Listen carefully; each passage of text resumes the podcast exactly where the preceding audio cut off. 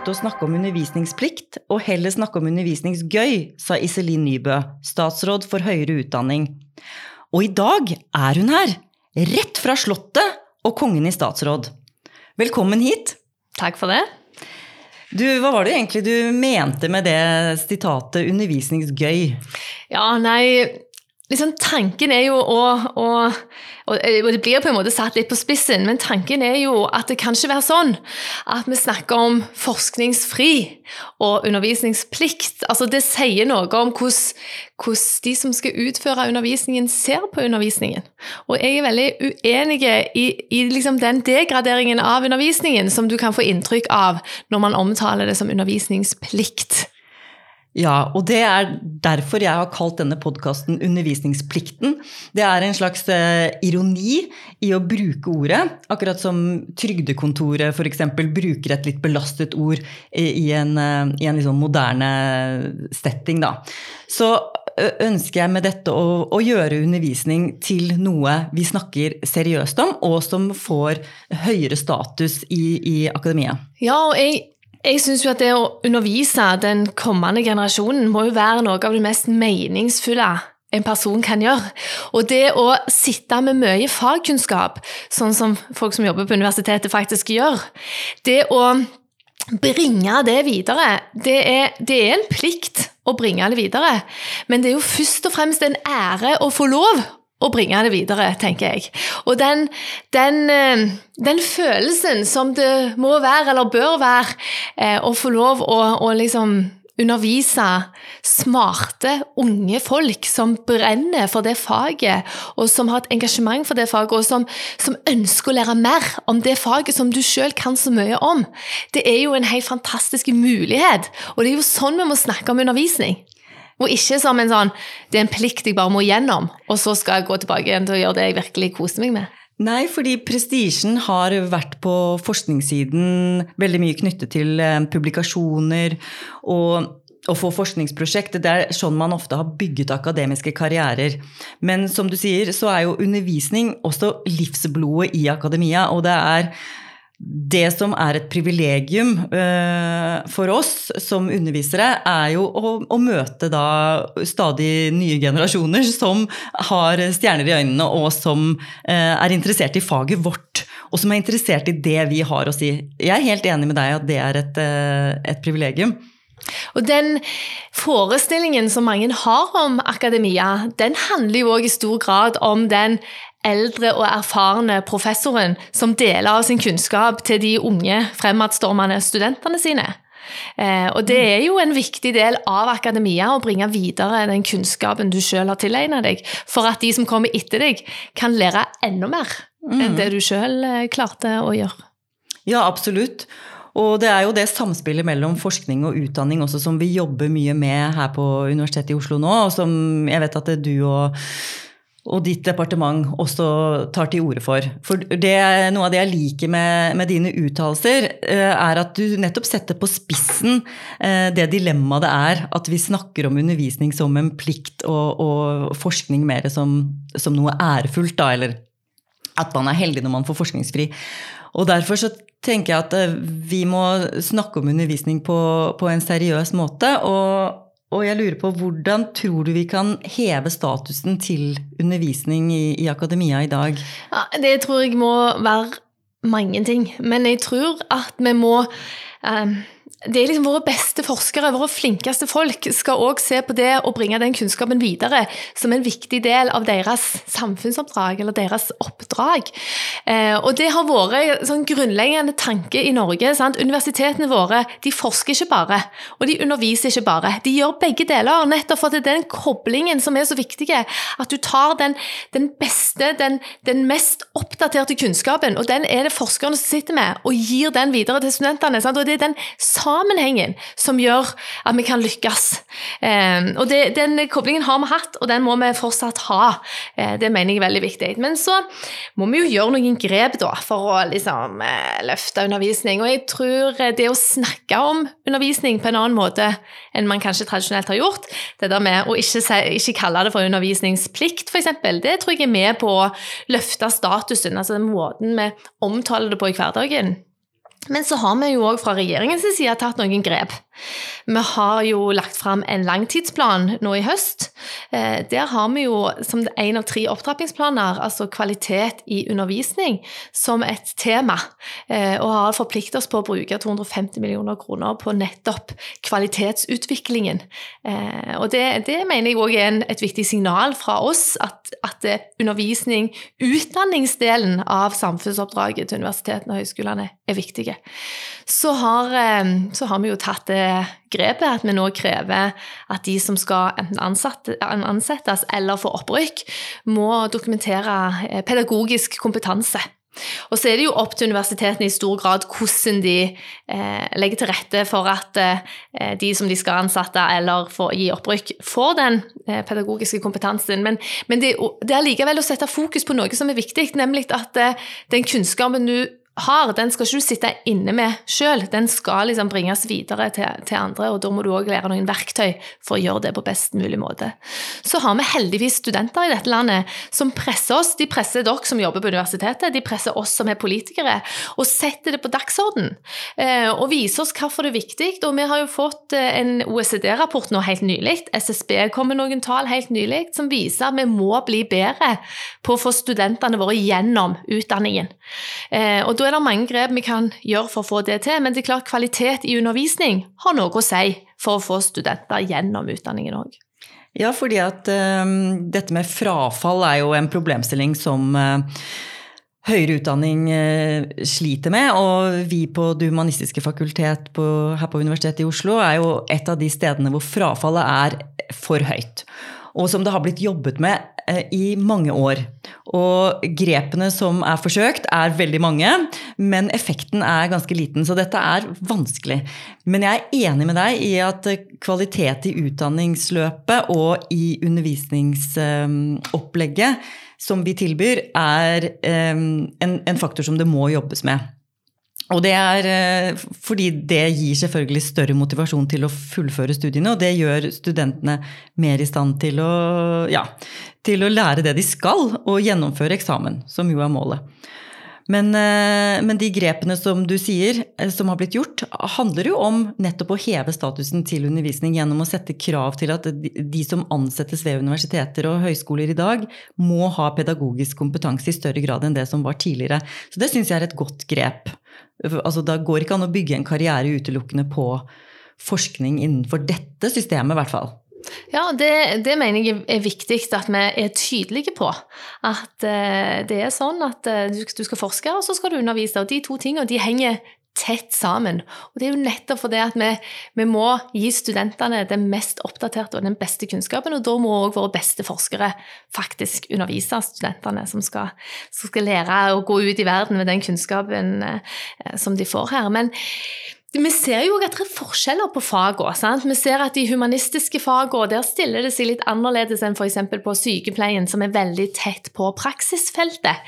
Sant? Sykepleierne har 50% av ja, cirka i fall, eh, av utdanningen sin ute i praksis, mens de humanistiske fagene har tradisjonelt en, en mye svakere tilknytning til arbeidslivet og til næringslivet. og og det, jo, altså det, gjør jo at mange studenter som går her, har, har liksom problemer med å se hva skal jeg bruke det jeg lærer her på når jeg blir voksen og skal ut i arbeidslivet. Det er det ene. Så er det klart at vi har jo ikke i dag vi har jo ikke et, et, et, marked for videre- og etterutdanning i stor grad, så det er jo mange helt sikkert som melder seg opp på fag og dere, som ikke har tenkt å ta en hel grad, men som har, ja, har lyst til å ta noen fag på sida av en jobb, eller ja, og, og, og de humanistiske og kanskje mer enn andre fag, har i stor grad vært åpne og sånn sett lette å komme inn på. Eh, og derfor gitt muligheter for mange som bare har lyst til å ja, ta noen fag her og der. Så det er jo ulike grunner til at det er sånn det er, men, men jeg er opptatt av det med, med, arbeidstilknytningen. Og derfor så har jeg jo òg startet opp et arbeid for å skrive en stortingsmelding om nettopp arbeidsrelevans i utdanningene, der praksis er en viktig del av det. Og jeg er opptatt av at vi må tenke praksis òg på nye fagområder, der det tradisjonelt sett ikke har vært praksis. Så må vi se hva kan vi få til, hva kan vi prøve, og hva effekt har det hvis vi får en tettere tilknytning. Mm. Og jeg er glad for at du er klar over at de humanistiske fagene tiltrekker seg en, en variert studentmasse. Altså at noen kommer hit for å ta et eh, emne eller eh, tilleggsutdanning, uh, mens, mens, andre starter rett etter videregående og vil fullføre et bachelorløp. Sånn at våre frafallstall de skjuler jo også dette mangfoldet, på en måte. Mm. Men Uansett så vil vi ha flere studenter igjennom, og vi vil ha eh, mye mer oversikt over hvordan studentene opplever eh, studiekvaliteten her. Og da er jo den eh, arbeidsrelevansmeldingen sentral. Fordi eh, våre fag er jo disiplinfag, og tradisjonelt eh, tenker mange humanister på seg selv som at dette er et dannelsesfag. Hvor studenten ikke skal bli noe spesielt. Altså, vi har jo ikke noe yrkesrettet utdanning, ikke noe profesjonsutdanning. Og det, det kommer vi jo nok ikke til å bli heller. Men det er den balansen mellom å være et disiplinfag, eller en portefølje, og det å, å, rette seg mot arbeidsrelevansen, som, som, er utfordringen vår nå, da. Ja, og selv om det er stor forskjell på fagene våre og de humanistiske fagene på en måte skiller seg litt ut fra andre fag ved at ikke du har et spesielt yrke du blir når du er ferdig, så, så er det jo sånn at studentene som går her, de skal jo liksom ikke bare gå ut herfra og være danna resten av livet sitt. Sant? De skal jo inn i en jobb, eh, enten i næringslivet eller i, i offentlig sektor. Og, og, og den, det å vite hva, hva kan jeg bruke det jeg har lært til? Altså, for Nå har jeg gått her i tre år, nå har jeg gått her i fem år. De kan noe når de går ut herfra, og det bevisstgjør studentene, men òg arbeidslivet altså næringslivet og, og det offentlige, på, på, hva kan man tilføre i en bedrift eller i en organisasjon eh, med den kompetansen som de har når de går her. Det er òg en del av det å, å, se på tilknytningen til arbeidslivet. For eh, det er klart at de som studerer her, de, eh, de, blir ikke bare gangs menneske. De, eh, de, de, kommer ut her med noe som de kan bidra med i samfunnet og i arbeidslivet. Ja, og de får jo ofte relevante jobber, det viser jo kandidatundersøkelsen, og det er vi veldig stolt av. Vi ønsker samtidig at flere skal gjennomføre, og jeg har tro på at å gjøre studiene enda mer arbeidsrelevante, eller i hvert fall tydeliggjøre hvordan kompetansen kan omsettes i arbeidslivet, jeg tror at det vil øke gjennomføringsgraden. Fordi at det, det gjør at man ser i andre enden en, eh, en, jobbmulighet. Det er vanskeligere å ta opp studielån hvis du ikke vet hvordan du kan bruke studiepoengene dine.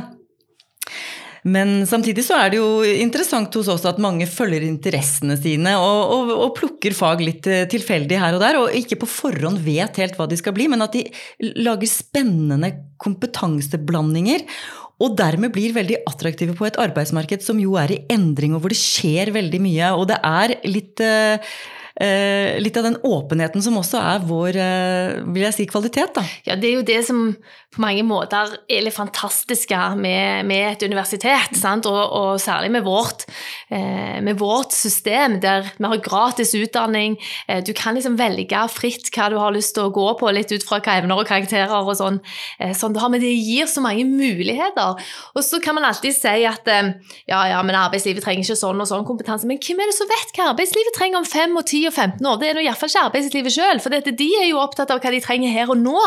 Og det er krevende for et arbeidsliv å se ja, hva trenger vi om ti år, for det er jo, det er jo umulig. Mens en sånn slags kombinasjon av studentene, universitetet, arbeidslivet. altså Det er jo den der symbiosen der vi lever i. Og, og det er jo akkurat de der studentene, unge folk følger interessene sine, ser noen muligheter, går den veien, griper de med begge hendene, og så får de virkelig nytte av den utdanningen de har. Det er jo, det er jo sånne suksesshistorier som vi ser, eh, ja, ikke minst her på, på UiO.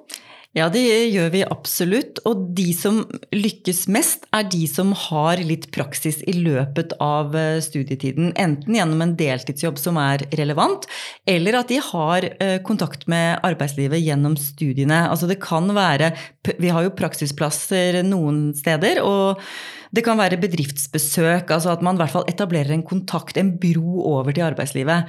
Eh, og får også litt trening i å kunne sette ord på hva slags eh, kompetanse man har. Altså at man kan svare på et intervju hva, hva man kan, da. Ja, hva kan du bidra med i vår bedrift? Sant? Og det å ha et svar på det. eh, og vise at du er relevant, og vise at du, du, du, vil bety noe for den bedriften, det er selvfølgelig viktig for alle, alle studenter. Og Derfor så har jeg òg tro på den stortingsmeldingen som vi skriver nå. Den skal ikke bare handle om de utdanningene som har høy praksis i dag, altså lærerutdanning, sykepleierutdanning. Det skal handle om, en, om bredden, og da òg på de humanistiske fagene, som, som, tradisjonelt sett i alle fall har hatt en, en lavere tilknytning eller en svakere tilknytning til arbeidslivet underveis i studiene. Absolutt, og jeg tror at det er kanskje der det er mest å hente. På, på humaniora- og, og samfunnsfagfeltet, altså HUMSAM-feltet, så vil det jo være veldig mange muligheter som er ubenyttet. Ja, for du begynner litt på scratch. sant? Altså, det er liksom sånn, Alt du får til, er liksom på plussida. Ja. Samtidig så skal vi liksom ikke la oss lure av at liksom den praksisen vi har i dag, f.eks. på lærerutdanningen, eh, den er kjempegod. Altså, De, de uh, undersøkelsene som blir gjort, viser jo at praksis er det beste ved studiet, og så er det det verste med studiet. sant? Får du en bra praksisplass eh, som fungerer, og du lærer mye, så blir det jo trukket fram av studentene som det beste og kjekkeste i hele utdanningen. Men hvis du, hvis du opplever at det er lite forutsigbart, hvis du opplever at eh, du får ikke den støtten du trenger, du, du, du, føler ikke at du får noe ut av det, så er det òg det verste med studiet. Sånn at det, eh, det der eh, med praksis, det er et sånn eh, toegget sverd. Du, du, du må følge opp for at det skal bli bra. Ja, og det er veldig krevende å få det til. Det krever jo forarbeid og også god forberedelse av både studentene og av de si, bedriftene eller institusjonene som mottar våre studenter i praksis. De, de må også få, få, god informasjon. så det, det, det, krever et veldig godt eh, forarbeid og også etterarbeid for at det skal fungere godt. Og det vil jo være liksom noe av det samme som andre ting vi gjør i utdanningsløpet, som gruppearbeid f.eks. Det er jo også noen som virkelig misliker. men når det fungerer, det er jo når man tenker igjennom hvorfor skal vi ha gruppearbeid, lager en plan, lager en kontrakt i gruppen. altså at det, det må, Man kan ikke bare sette folk i grupper og lage et gruppearbeid og tro at det skal funke. På samme måte kan man ikke bare sende studenter ut i praksis og tro at det skal, skal gå av seg selv. Nei, og så må det være sånn forventningsavklaringer. Sant? For eh, hvis du spør studenter ja, hva syns du er best, er det forelesning, eller er det casearbeid med andre, eller er det praksis, så er det jo mange som som syns det er veldig behagelig med, med, en forelesning. For det mm. krever ikke så mye av deg sjøl, det krever bare det du gidder å gjøre sjøl, ut av det. Mens hvis du skal delta i et gruppearbeid, så må liksom alle bidra, eh, og like mye, for at det skal eh, lykkes. Og det samme med praksis. Du må bidra noe sjøl òg inn i det. sånn at det, det, er jo ikke noe du bare passivt kan sitte og motta, det er noe du må være aktive, eh, bidra sjøl, og det er det som òg i stor grad definerer hvor mye du får ut av det etterpå. Ja, forskning viser jo at du lærer mer når du gjør innsats og deltar. Sånn at det vet vi. Og at forelesningsformen har mange fordeler, men også en del ulemper nettopp i det, det muligheten til å være passiv. Mm. Og at eh, læringsutbyttet kan være begrenset. Og derfor så er jo studentaktive læringsformer noe vi også jobber mye med å, å bevege oss i retning av. Uh, og den uh, eventuelle motstanden som kommer mot å legge ned egeninnsats, det, det er jo kanskje fordi at uh, studentene ikke ser at de får noe igjen for det. Men man må eller Der også handler det jo om forventningsavklaring. Jeg pleier å si at en forskjell mellom videregående utdanning og, og, universitet er at man er ikke lenger elev, man er student. Man går ikke på skole, man går på universitet. Og man, det innebærer at man må ta større ansvar for egen læring og delta mer. Og Men har det vært en endring på det de siste åra? Nå spør jeg eh, mer enn å konstatere, men jeg opplever jo at når jeg treffer mange studenter i dag, så om Altså, jeg går på skolen, sier de. Jeg skal på skolen i morgen. Du skal jo ikke det. Du skal på universitetet i morgen. Men de, de, snakker mange ganger som om det ikke er noen forskjell på liksom, det de gjorde før når de gikk på videregående, og det de gjør nå når de går på universitetet. Er det en endring der nå, eller er det Det er det. Det er en endring, og det er noe som vi legger veldig merke til, eh, vi som underviser og har med studenter å gjøre. Og derfor så prøver jeg og flere andre å plukke det av studentene, eller i hvert fall bevisstgjøre de på at det, er, eh, det, klinger rart i mine ører når du sier at du skal på skolen. Jeg er helt enig. Ehm, men eh, de er bare vant til å si det fra videregående, og de forholder seg litt på samme, forholder seg til forelesninger på samme måte som de hadde timer i, i, i videregående. Da. Så vi, vi, prøver absolutt å bevisstgjøre den forskjellen, eh, fordi at vi forventer mer av, av våre studenter. Ja, og så har jeg merka meg òg at mange snakker om eh, liksom forelesningene eh, Det er noe du går på, sant? så der må du være. Mens når du ikke har forelesninger, da er det liksom fri, på en måte. Mens, mens forskjellen på videregående og, og, et universitet og en høyskole er jo at eh, på videregående så har du timer du går i, og så får du lekser, og så har du prøver. Mens på et universitet så er utdanningen din er ikke bare timer, lekser og prøver. Det er liksom forelesningene, eh, så er det sikkert noen gruppeoppgaver og kollokvier og sånne ting, så det, men så er det òg en hel del egenstudier mm. som må regnes med som en del av den utdanningen du skal ta. Og det, det er ganske krevende, det med egenstudier. For du må, du må faktisk ta det initiativet sjøl. Du må faktisk være ganske disiplinerte for å, ja, for å lære det du skal lære når du, når du møter opp på den eksamenen eh, på slutten av semesteret. Ja, Det er derfor jeg sa til våre studenter på bachelormarkeringen i går at dere har gjennomført et studieløp som krever mye selvstendighet, selvdisiplin og engasjement. Fordi at man kan ikke bare stole på at eh, du skal gå på forelesninger, og så er resten eh, fritt. Altså, du, må, du må ta ansvar selv, og du må være aktiv i, i læringssituasjonen for å få noe ut av det.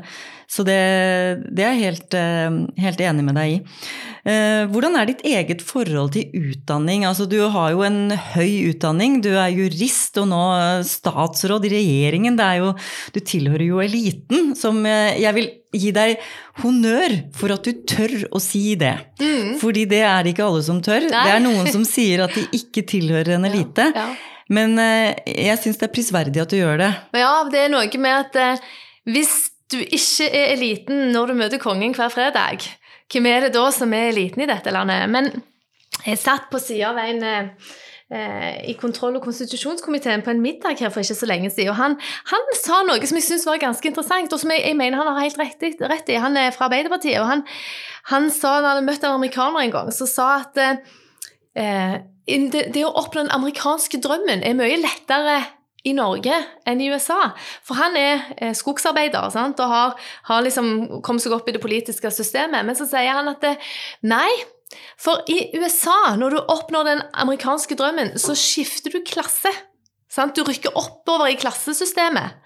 Mens i Norge så, så er du fortsatt en del av den samme klassen, selv om du sitter på Stortinget eller i regjering. Så har du ikke, du ikke, liksom ikke endra klasse.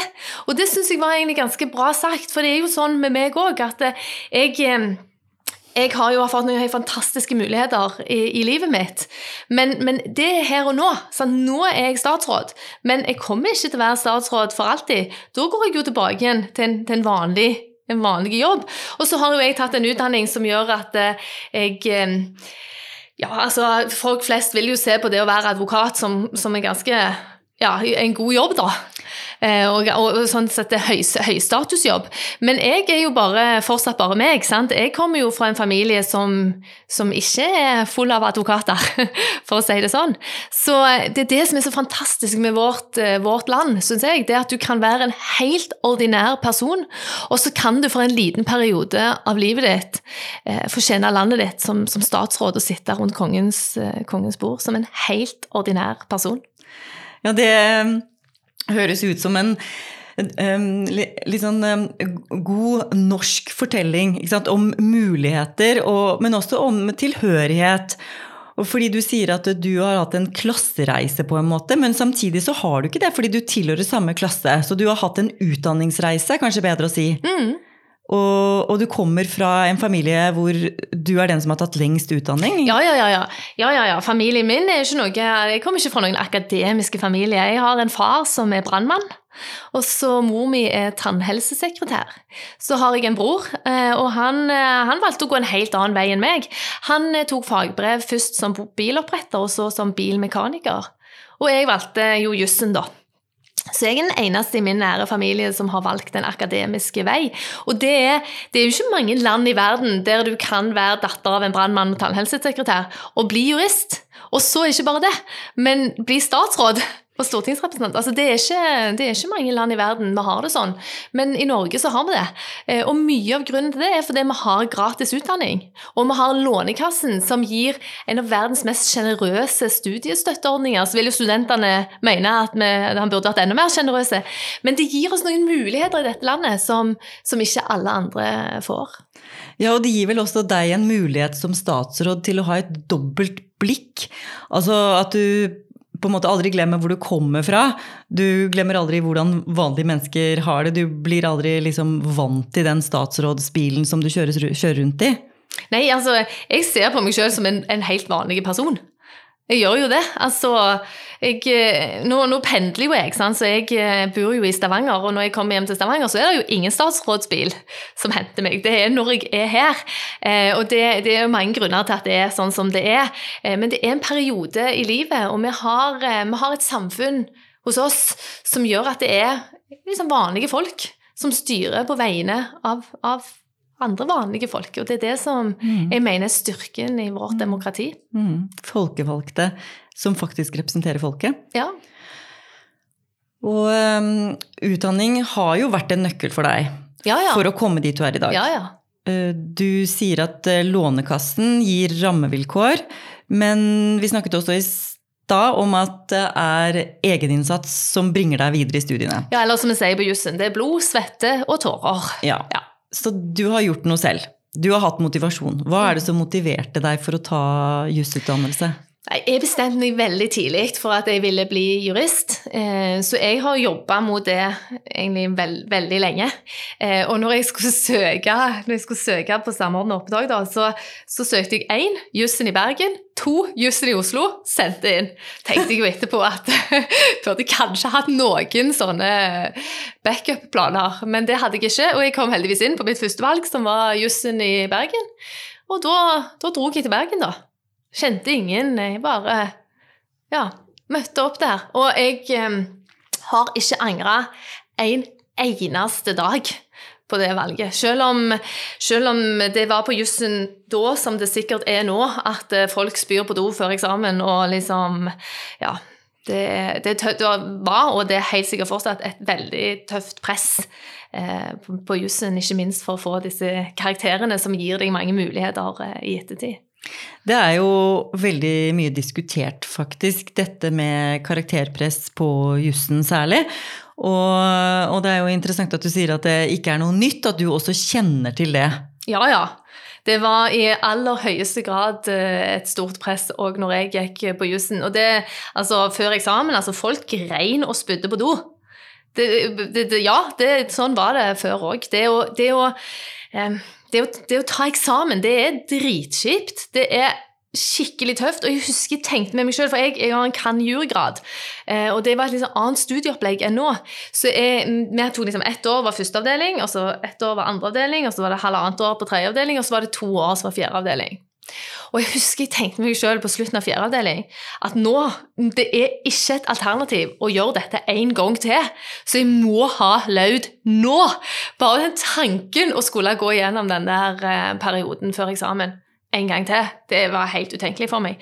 Og det er sånn, altså hvordan jeg fikk meg selv fra bussholdeplassen og hjem til leiligheten min etter å ha hatt en ni timers praktikumseksamen, det, det, det, den, den, perioden der, det, klarer jeg ikke å huske hvordan det gikk til engang.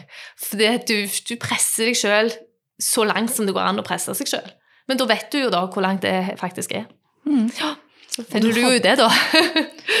Ja, du vet hva som bor i deg, mm. og du vet at du kan ta fram de kreftene når det trengs.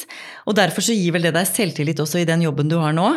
Ja, altså jeg må jo presse meg sjøl av og til i denne jobben òg.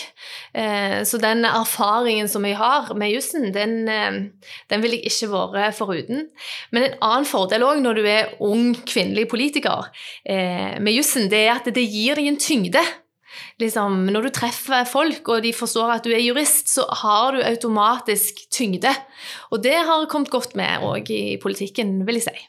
Mm. Mm. Ja, fordi man uh, trenger noen autoritetsknagger, uh, særlig som du sa ung kvinne og ja. Kanskje ikke så ung nå lenger, men jeg har jo vært det ja, jo, fortsatt. Jeg vil absolutt si at du er ung, og at du Men at du har allikevel autoritet, og, og det er jo noe man, man tar. Altså gjennom du holder jo taler, og du uttaler deg offentlig, og du deltar i debatter, og da har man jo med seg eh, det man ja, har lært gjennom mm. studiet. Og ja, og nå er jeg jo statsråd, sant? så det, det, følger jo automatisk autoritet med det.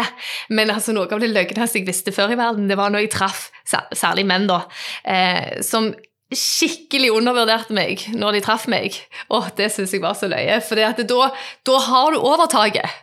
Eh, og det, det, kan man både ha løye med, men òg utnytte til egen, egen, fordel. Men nå, eh, nå, er jo ikke jeg yngst i regjeringen, men allikevel så tror jeg at jeg er den som får høre det mest av oss unge, da. Å, så unge, og statsråd så unge, og når de reiser internasjonalt, så er de veldig opptatt av at vi har så unge statsråder i Norge. Og da må jeg jo si at eh, ja, ja, jeg er kanskje ung, jeg, men det er jo, jeg er jo ikke yngst i regjeringen engang. Altså, Jon Georg Dale er jo yngre enn meg, Kjell Ingar Ropstad er jo yngre enn meg. Nå er vel både Ulstein og og justisministeren sånn på min alder, da. Men vi er liksom mange sånn relativt sett unge statsråder i Norge, og det er ikke så uvanlig hos oss som det er i andre land. Men når jeg møter mine kolleger i utlandet òg, så, så, så, merker jeg jo at det å komme fra Norge, det òg gir deg jo en sånn tyngde. Absolutt. Det gir en autoritet og en tyngde å komme fra Norge som representerer et eh, velfungerende demokrati eh, på mange måter. Det, det merker jeg også som akademiker. At det er eh, mange universiteter i særlig kanskje andre deler av Europa som sliter litt med eh, ikke så velfungerende demokratier, eh, eller økonomien er litt eh, svak, så, så ser de til Oslo, Universitetet i Oslo hvordan vi gjør ansettelsesprosesser f.eks. For, eksempel, for, å, for å hindre da ja, at man har nepotisme, ansettelser av venner og, bekjente. venner og bekjente. Altså at vi, vi, veldig, vi, har veldig høy troverdighet når det gjelder å gjøre ting skikkelig. Ja. I, i, norsk akademia. Ja. Så det, det merker jeg også. Og akkurat det med om man er ung kvinne, så er jo det også noe som jeg kjenner igjen fra akademia, hvor man en fordel med akademia er at man er veldig ung lenge her. I motsetning til f.eks. TV-bransjen. Ja, ja, ja, Nå er jo det et eksempel helt i andre enden. Ja. Men her er man ung og lovende lenge. Helt til man får fast jobb sånn en gang i ja, slutten av 40-åra, er det sånn? Nettopp, ja. Så man må tåle en god del midlertidighet. Eh, jeg selv var midlertidig i 15 år før jeg fikk fast jobb. Mm. Men det var jo også inkludert å ta doktorgrad og utdanne meg. Altså, så det, det, er helt, eh, det, er ikke helt, fra hånd til munn-jobber, dette her. Det er ganske langvarige vikariater også. Men det at man har en, en, mulighet, som du sier, til å komme inn i, i bransjer, enten det er politikk eller akademia, som sant, ung lovende, prøve seg, det syns jeg er veldig fint. Og, men da får man jo også disse kommentarene av og til om at eh, det var i hvert fall en eh, kollega av meg som fikk en kommentar fra Kåre Willoch, som sa til henne at gjør de unge damer til professorer nå for tiden, da? Ja. ja. Så da var det liksom en, en slags ironisering ja. over at man er man er ung kvinne, så det er kanskje lettere å peke på, på, alder i forhold til kvinner enn menn. Ja, det tror jeg. Og så blir vi nok oppfatta som yngre lenger. Sant? Sånn som mine kolleger da, som er yngre enn meg, men menn, de hører det jo aldri. Mens jeg får jo høre det ja, om ikke et par ganger i uka, så i alle fall flere ganger i måneden. Eh, hvor ung jeg er som statsråd. Og da sier jeg bare til dem at ja, ja, ja, nei, altså, nå kan du jo velge. Det er én av to, da, sier jeg til dem. Det er enten så er jeg eldre enn jeg ser ut, eller så har jeg en sånn en veldig briljant politisk hjerne at jeg har tidlig fått sjansen. Mm. Og da ler de, så sier de ja, det må være den briljante hjernen, sier de da. ja, at de tror du er 14 år, liksom? nei, men uh, vi har jo unge statsråder i Norge, så jeg skjønner jo litt at de lar seg overraska litt når, når, de er vant med ja, folk som er mye voksnere når de blir statsråder enn det vi er her. Mm. Ikke bare i Norge, men også Sverige og Danmark har jo òg eh, ganske unge statsråder. Ja, Så det er en, en del av vår kultur, mm. vår politiske kultur. Mm. Og det er jo et ideal. Det blir jo kritisert eh, hvis vi ikke har eh, representanter under 40 på Stortinget. Så blir det et tema. Ja, eh, vårt problem har vel kanskje vært mer at vi mangler de i andre enden. Altså de godt voksne er ikke så godt representert eh, på Stortinget, f.eks. Så det òg er jo et tema. Altså det å ha, jeg mener i alle fall at det å ha hele bredden med er styrken. Fordi at når du er unge, så har du et annet, et annet blikk på ting enn når du er eh, godt voksen. Og så er det jo sånn alle har vært unge en gang, men, men det er ganske annerledes å være student i dag enn det var når jeg var student, selv om jeg fortsatt er unge. Så flytta jeg til Bergen i 2000. Starta min, eh, min jusutdanning i 2000 og var ferdig i 2006. Og det er ganske lang tid siden. Eh, det var, når jeg gikk på jussen, jeg sier det til dem, da ler de seg jo i hjel, så var det sånn at eh, når vi leverte inn oppgaver, så bretta vi arket i to, og så skrev vi liksom på den ene delen, og så bandt vi det sammen med en tau, og leverte det i en skuff ut forbi resepsjonen, og noen dager etterpå fikk vi det tilbake i ei hylle med kommentarer på den andre halvdelen av arket. Sant? Sånn var det jo. Eh, og det er på tross av min unge alder, da.